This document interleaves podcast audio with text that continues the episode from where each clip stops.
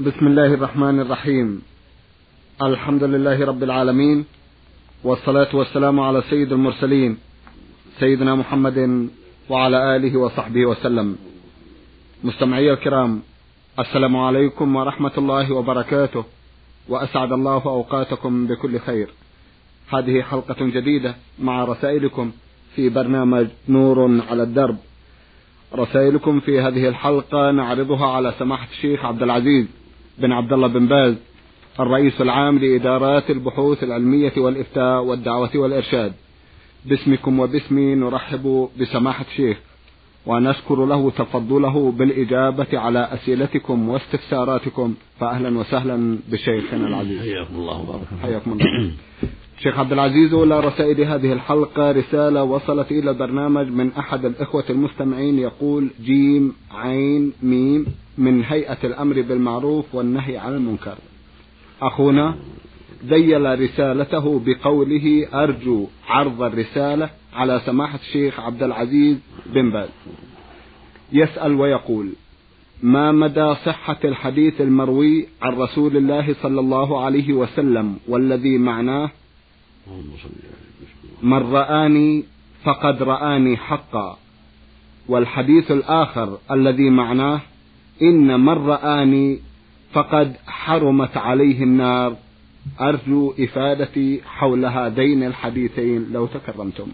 بسم الله الرحمن الرحيم. الحمد لله وصلى الله وسلم على رسول الله وعلى آله وأصحابه ومن اهتدى بهداه. أما بعد أما الحديث الأول وهو قوله صلى الله عليه وسلم من رآني فقد رآني حقا. فهذا حديث صحيح وله ألفاظ. منها قوله صلى الله عليه وسلم من رآني في المنام فقد رآني فإن الشيطان لا يتمثل في صورتي. منها قوله صلى الله عليه وسلم من رآني في المنام فقد رأى الحق فإن الشيطان لا يتمثل بي. في عدة ألفاظ جاءت عنه عليه الصلاة والسلام. ومعنى ذلك أن عدو الله الشيطان قد حيل بينه وبين أن يتمثل في صورة النبي عليه الصلاة والسلام. فمن رأى النبي في المنام فقد رأى الحقيقة وقد رآه عليه الصلاة والسلام إذا رآه بصورته التي هي معروفة عند أهل العلم. وهو عليه الصلاة والسلام ربعة من الرجال حسن الصورة أبيض مشرب بحمرة كث اللحية سوداء وفي آخر حياته حصل فيها شعرات قليلة من الشيء عليه الصلاة والسلام. فمن رآه على صورته الحقيقة فقد رآه. فإن الشيطان لا يتمثل به عليه الصلاة والسلام. وأما الحديث الثاني من رآني حرمت عليه النار فهذا لا أصل له وليس بصحيح. نعم. أيضا يسأل سماحة الشيخ ويقول هل رؤية الرسول صلى الله عليه وسلم في المنام على هيئة ما تعتبر بشارة في حق الرأي؟ أو أو أنه من أهل الجنة؟ إذا رآه على صورته كما تقدم فهي خير إن شاء الله. ولكنها لا لا تتضمن نجاة ولا سعادة ولا تقوى. فقد رآه في في حياته صلى الله عليه وسلم الكفرة والمنافقون ولم تنفعهم هذه الرؤية. رآه أبو جهل ومات على الكفر بالله وقتل يوم بدر. ورآه عتبة بن ربيعة وشيبة بن ربيعة وقتل على كفرهما. ورآه عمه أبو طالب ومات على كفره. ورآه عمه أبو لهب ومات على كفره. وما ورآه عبد الله بن أبي بن سلول رأس المنافقين ومات على كفره. فالرؤيا لا فرؤيته في اليقظة لا تتضمن هداية ولا إسلاما ولا تتضمن سعادة لأهلها. إلا إذا آمنوا به وصدقوه واتبعوه عليه الصلاة والسلام. هكذا في المنام من باب أولى من رآه في المنام وهو مؤمن متقي يرجى له الخير إذا رآه على صورته. أما من رآه ولم يؤمن بشريعته ولم ينقل لما جاء به فإن هذه الرؤيا لا تنفعه بل هي حجة عليه في اليقظة والنوم. كما رآه أولئك الكفار في حياته صلى الله عليه وسلم فلم يوفقوا للإيمان به فصاروا أشقياء نعوذ بالله من ذلك. فهكذا من رآه في النوم ولم يؤمن به ولم يتبع ما جاء به فإنها لا تنفعه هذه الرؤيا بل تكون حجة عليه. نعم. رسالة وصلت إلى البرنامج من جمهورية مصر العربية باعثها أخونا فايز محمد جابر. أخونا يسأل ويقول هل يصح الحج من شخص عمره ثلاثون عاما؟ نعم كل من بلغ الحلم صح حجه عن نفسه وأدى الفريضة بذلك ولو كان ابن خمسة عشر سنة أو أقل أو أكثر. المقصود إذا كان مكلفا. قد بلغ الحلم بإكماله خمسة عشر سنة أو بإنزاله المني في الاحتلام وفي اليقظة عن شهوة أو بإنباته الشعر الخشن حول الفرج فإنه بهذا يكون مكلفا. وإذا حج في هذه الحال أو بعدها فإن حجه يكون صحيحا ومؤديا للفريضة.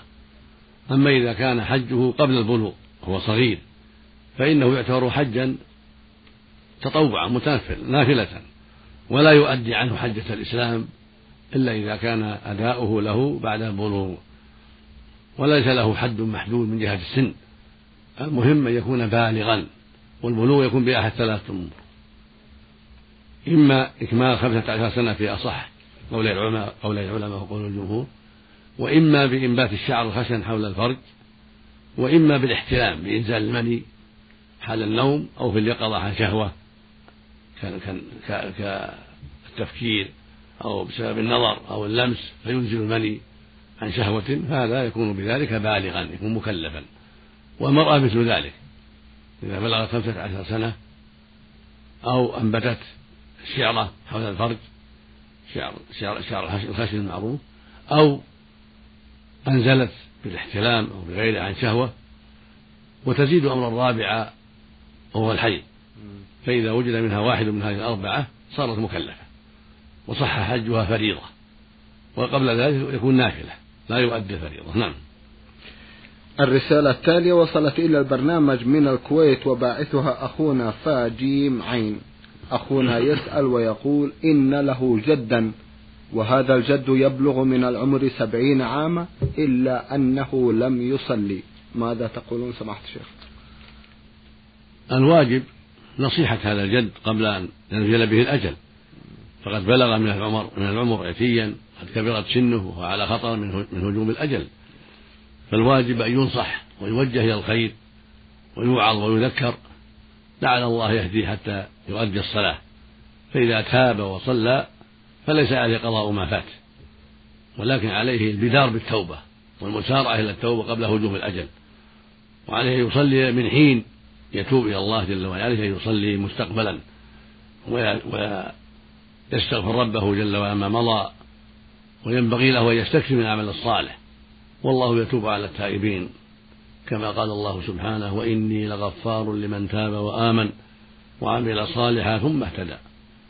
قال عز وجل والذين لا يدعون مع الله إلها آخر ولا يقتلون النفس التي حرم الله إلا بالحق ولا يزنون ومن يفعل ذلك يلقى أثاما يضاعف له العذاب يوم القيامة ويخلد فيه مهانا. إلا من تاب وآمن وعمل عملا صالحا فأولئك يبدل الله سيئاتهم حسنات وكان الله غفورا رحيما. فعليه يتوب إلى الله توبة صادقة بالندم على ما مضى والإقلاع من ترك الصلاة والعزيمة ألا يعود في ذلك وعليه يحافظ عليها في أوقاتها مع المسلمين وعليه يكثر من العمل الصالح لعل الله يتوب عليه فيبدل سيئات حسنات. نعود في هذه الحلقة سماحة الشيخ إلى رسالة إحدى الأخوات المستمعات من العراق تقول فاتن سعيد من بغداد. أختنا عرضنا مجموعة من أسئلتها في حلقات مضت. ولها في هذه الحلقة سؤالان. سؤالها الأول تقول شقيقتي طالبة وتروي لهم مدرسة اللغة العربية والتربية الدينية أنه عند فناء هذه الدنيا سيتزوج الرسول صلى الله عليه وسلم في دار الآخرة كل من مريم العذراء وزوجة الفرعون. فهل لهذا الكلام شيء من الصحة؟ وتقول المدرسة أيضا إن الرسول صلى الله عليه وسلم قال لزوجته عائشة رضي الله عنها سلمي على ذرتك في الآخرة. فقالت له عائشة هل تزوجت علي؟ فقال الرسول صلى الله عليه وسلم كلا. بل سأتزوج بعد انتهاء هذه الدنيا من مريم العذراء وزوجة الفرعون. فهل لهذا الحديث صحة؟ علما أني لم أقرأ كتاب أو أسمع من عالم ديني كبير مثل هذا الكلام. لذلك أرسل إلى سماحتكم. عسى أن تنوروني. جزاكم الله خيرا. لا أعلم أنه ورد عن النبي حديث صحيح في تزوجه بمريم وتزوجه بآسية ابنة مزاحم امرأة فرعون لا أعلم في هذا حديثا صحيحا. وزوجاته معروفات رضي الله عنهن وأرضاهن وهن زوجاته في الآخرة التسع المعروفات. وأما مريم وأما آسيا امرأة فرعون فالله أعلم هل هل يتزوجهما في الآخرة أم لا. نعم. أنا منتسبة إلى إحدى الدوائر وهذا وهذه الدوائر تعمل من الثامنة صباحا وحتى الثالثة عصرا وأحيانا أصلي الظهر مع العصر. كيف تنصحونني؟ الواجب على المؤمن والمؤمنة أداء الصلاة في الوقت. فالعصر تؤدى في وقتها والظهر تؤدى في وقتها. ولا يجوز الجمع إلا من علة كالمطر على الصحيح وكالمرض وكالسفر. فإذا كان هناك علة شرعية فلا بأس بالجمع وإلا فالواجب أن تصلى كل صلاة في وقتها الظهر في وقتها والعصر في وقتها والدراسة ليست عذرا في الجمع.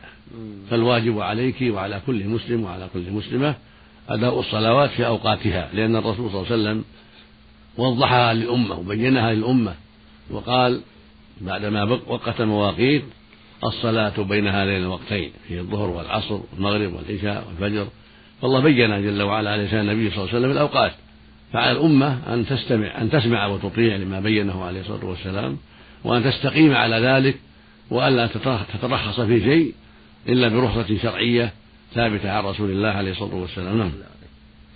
إحدى الأخوات المستمعات أيضا من العراق بعثت برسالة وفيها مجموعة من الأسئلة في سؤال لها تقول لي مجموعة من أدعية الرسول صلى الله عليه وسلم لكني لا أحفظها. هل تصح قراءتها من الورقة أو لا؟ لا معنى لا مانع. يقرأ الإنسان الدعاء من الورقة. إذا كان لا يحفظ وكتب الدعاء في ورقة وقرأها في الأوقات التي يحب أن يقرأ في آخر الليل مثل في أثناء الليل في غير هذا لا بأس. ولكن إذا تيسر حفظ ذلك وأن يقرأه عن حضور قلب وعن خشوع كان ذلك أكمل. نعم. وقراءة من الورقة لا بأس بها لا بأس بها. نعم. طيب. والقراءة سواء كانت أثناء الصلاة أو خارج الصلاة؟ لا في الصلاة الأولى تكون عن حفظ يكون تكون قراءة دعوات مختصرة موجزة تحفظها هذا أفضل. ولو قرأت بورقة مثل في التشهد أو في بين بين السجدتين لا يضر ذلك لا حرج في ذلك. الحمد لله. لكن كونها تحفظ ذلك كون الداعي يحفظ ذلك يكون أقرب إلى الخشوع. نعم. بارك الله فيكم. يقاس على هذا قراءة القرآن سماحة الشيخ؟ كذلك لو قرأ القرآن من المصحف. نعم. لا مثل في التراويح أيوة. قيام رمضان لأنه قد يحتاج إلى طول القراءة. نعم. فإذا قرأ من المصحف فلا بأس على الصحيح. وقد كان مولى عائشة رضي الله عنها يصلي بها من المصحف في رمضان. الحمد لله. نعم. بارك الله فيكم. لي صديقة أحبها جدا وهي مثل أختي وهي ملتزمة بأمور دينها تؤدي الصلاة وتصوم شهر رمضان وتبتعد عن أمور الشر وتتحلى بالأخلاق السامية إلا أنها رغم إصراري عليها لتلبس الحجاب لم تلبسه حتى الآن. كيف تنصحونني وإياها؟ جزاكم الله خيرا. الواجب على كل مسلمة العناية بالحجاب لأن الله جل وعلا أمر بذلك. يقول سبحانه في كتابه العظيم لأزواج النبي صلى الله عليه وسلم وإذا سألتموهن متاعا فاسألوهن من وراء الحجاب. ذلكم أطهر لقلوبكم وقلوبهن. فإذا كان أزواج النبي صلى الله عليه وسلم يؤمرن بالحجاب وهم وهن خيرة الناس خيرة النساء فغيرهن من باب أولى. والشيطان على غيرهن أجرى نعم. ولهذا قال سبحانه وإذا سألتموهن متاعا فاسألوهن من وراء حجاب ذلكم أطهر لقلوبكم وقلوبهن وإذا كان الحجاب أطهر لقلوب المؤمنين في عهد النبي صلى الله عليه وسلم وأطهر لقلوب المؤمنات في عهد النبي صلى الله عليه وسلم ومنهن أزواجه عليه الصلاة والسلام فالطهارة لمن بعدهم أشد وأشد فالحاجة إلى الطهارة في قلوب من بعدهم أشد وأشد لأن أولئك الأخيار أقوى إيمانا وأكمل إيمانا فإذا كانت كان الحجاب أطهر لقلوبهم فهو أطهر لقلوب من بعدهم أيضا. نعم. وكذلك قوله جل وعلا يا أيها النبي قل لأزواجك وبناتك ونساء المؤمنين يدنين عليهن من جلابيبهن يدنين عليهن من جلابيبهن ذلك أدنى يعرفن فلا يؤذين. والجلباب يغطى به البدن كله الرأس والوجه والبدن. وهكذا قوله سبحانه وتعالى في حق النساء ولا يبدين زينتهن إلا لبعولتهن أو آبائهن أو آباء بعولتهن أو أبنائهن أو أبناء بعولتهن. الآية فدل ذلك على أن الزينة يجب أن تغطى وتحجب عن الأجانب. نعم. وإنما تبدي زينتها لمحارمها. كزوجها وأبيه وابنه وأبيها وأخيها وعمها ونحو ذلك. ثم أيضا أمر آخر وهو أن إظهار الزينة من أسباب الفتنة. من أسباب الفتنة ينبغي للمؤمنة أن تبتعد عن أسباب الفتنة. نعم. بارك الله فيكم. هل صحيح أن الإنسان إذا حج مرة واحدة تغفر جميع ذنوبه؟ وهل في كل مرة يذهب للحج تغفر له جميع ما عمل من الكبائر؟ هكذا جاء الحديث عن رسول الله عليه الصلاة والسلام يدل على أن الحج المبرور من أسباب غفران الذنوب ومن أسباب دخول الجنة. إذا تقبله الله من صاحبه وأداه عن بر وإخلاص وصدق يقول النبي صلى الله عليه وسلم في الحديث الصحيح العمرة هي العمرة كفارة لما بينهما والحج المبرور ليس له جزاء إلا الجنة. متفق على صحته. عن النبي عليه الصلاة والسلام. وقال أيضا عليه الصلاة والسلام من حج فلم يرفث ولم يفسق رجع كيوم ولدته أمه. رواه البخاري في صحيح. فهذا يدل على أن الحج المبرور وهو الذي ليس معه معاصي. حج وقد ترك المعاصي وتاب إلى الله منها ولم يكن عنده شيء من ذلك. فإن البار في الحج هو الذي لم يرفث ولم يفسق كما قال النبي صلى الله عليه وسلم.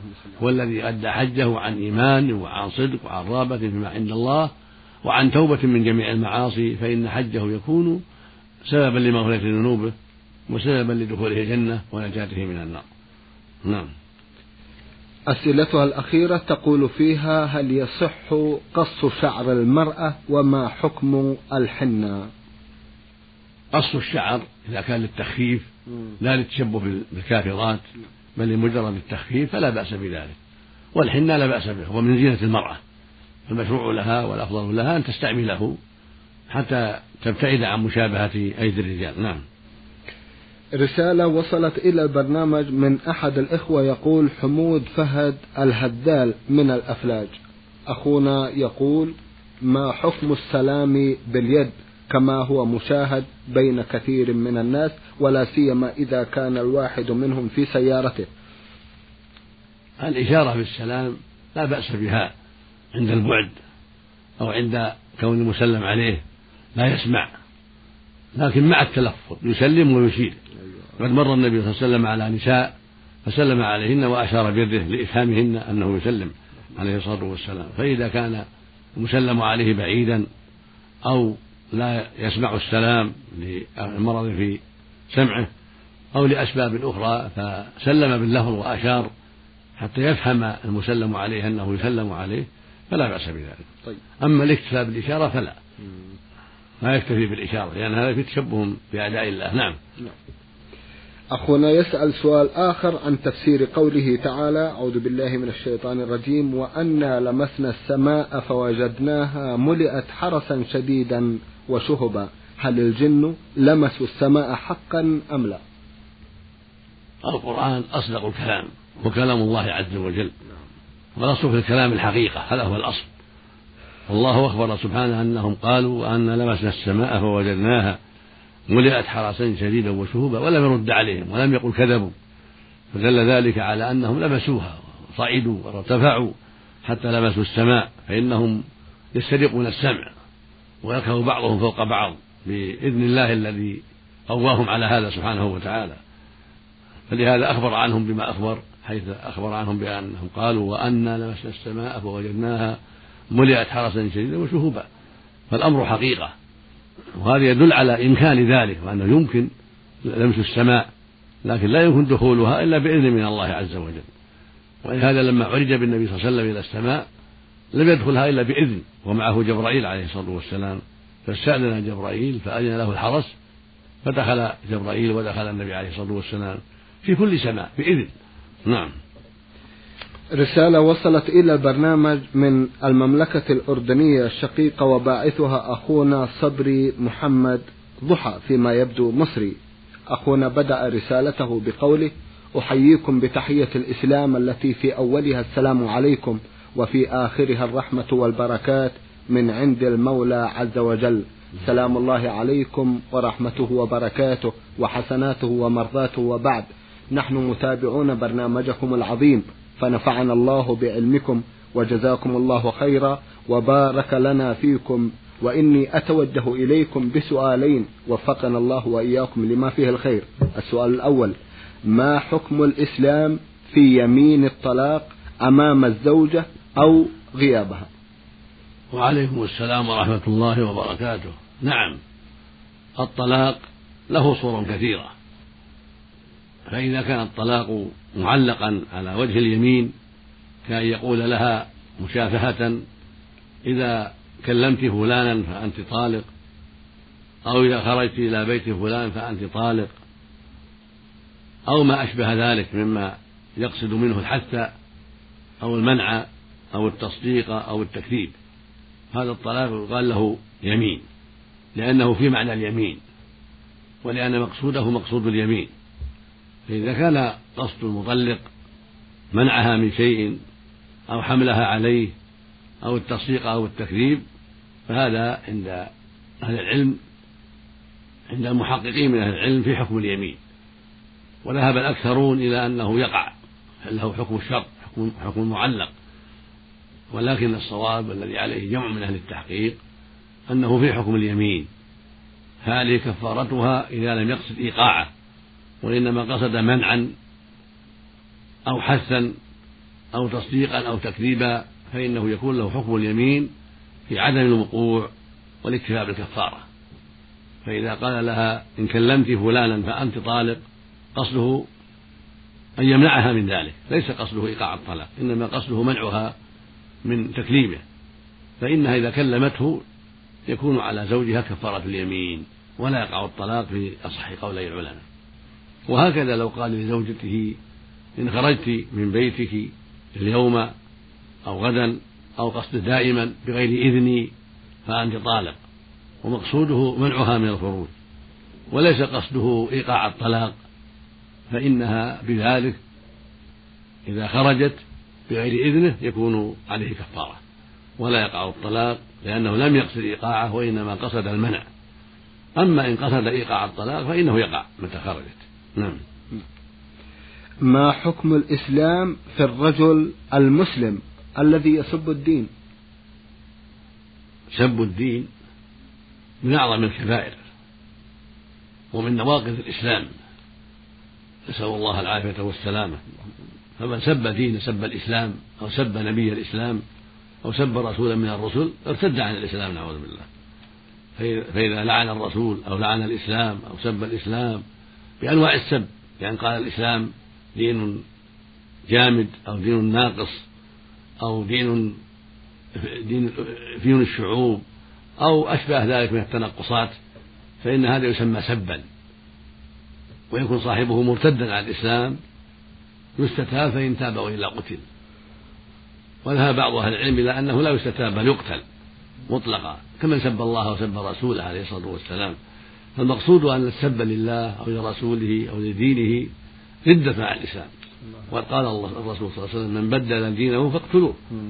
فالواجب على من فعل ذلك أن يبادر بالتوبة والرجوع إلى الله والإنابة إليه والندم على ما صدر منه والاستكثار من العمل الصالح لعل الله يتوب عليه.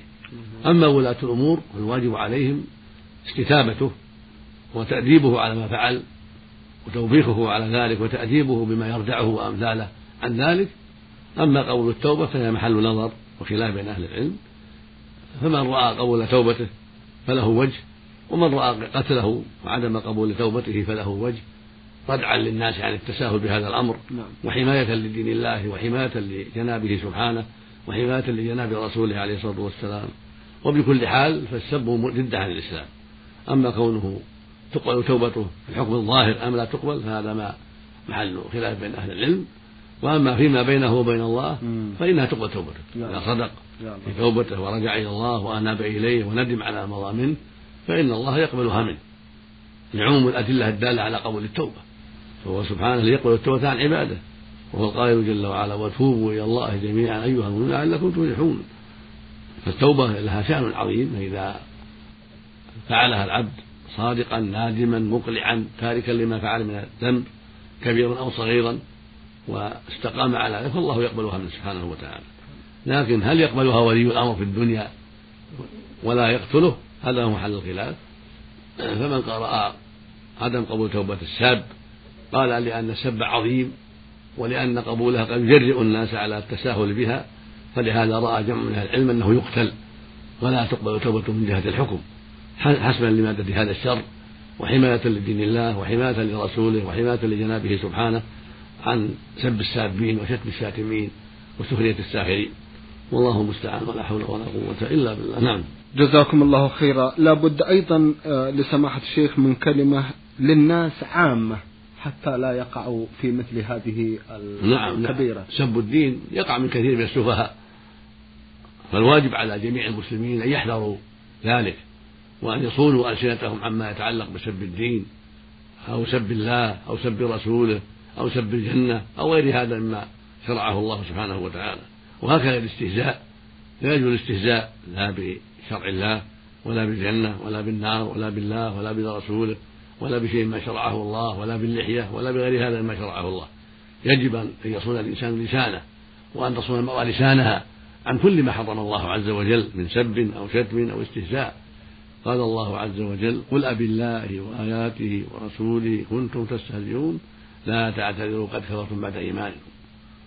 ولما بلغه صلى الله عليه وسلم أن شخصا قتل جاريته كانت تسب النبي صلى الله عليه وسلم فقتلها لما استتابها فأبت قتلها. قال عليه الصلاة والسلام ألا اشهدوا إن دمها هدر. لأنها سبت الرسول عليه الصلاة والسلام. فالمقصود أن الواجب على أهل الإسلام من الرجال والنساء أن يحذروا هذا الأمر. هذه الجريمة العظيمة وأن يحذروها الناس. وأن يصونوا ألسنتهم عن سب الله ورسوله. أو أو الاستهزاء بالله ورسوله أو الاستهزاء بشرعه أو بما أخبر به عن الآخرة. يجب على أهل الإسلام أن يصونوا ألسنتهم وأن يحفظوها عن كل ما يتعلق بالسب والشتم والاستهزاء.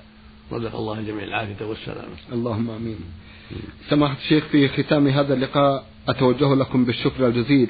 بعد الله سبحانه وتعالى على تفضلكم بإجابة السادة المستمعين وآمل أن يتجدد اللقاء وأنتم والمستمعون على خير إن شاء الله تعالى. اللهم آمين. مستمعي الكرام كان لقاؤنا في هذه الحلقة مع سماحة الشيخ عبد العزيز بن عبد الله بن باز الرئيس العام لإدارات البحوث العلمية والإفتاء والدعوة والإرشاد. من الإذاعة الخارجية سجلها لكم زميلنا عبد الله عريف الحربي. شكرا لكم جميعا وسلام الله عليكم ورحمته وبركاته.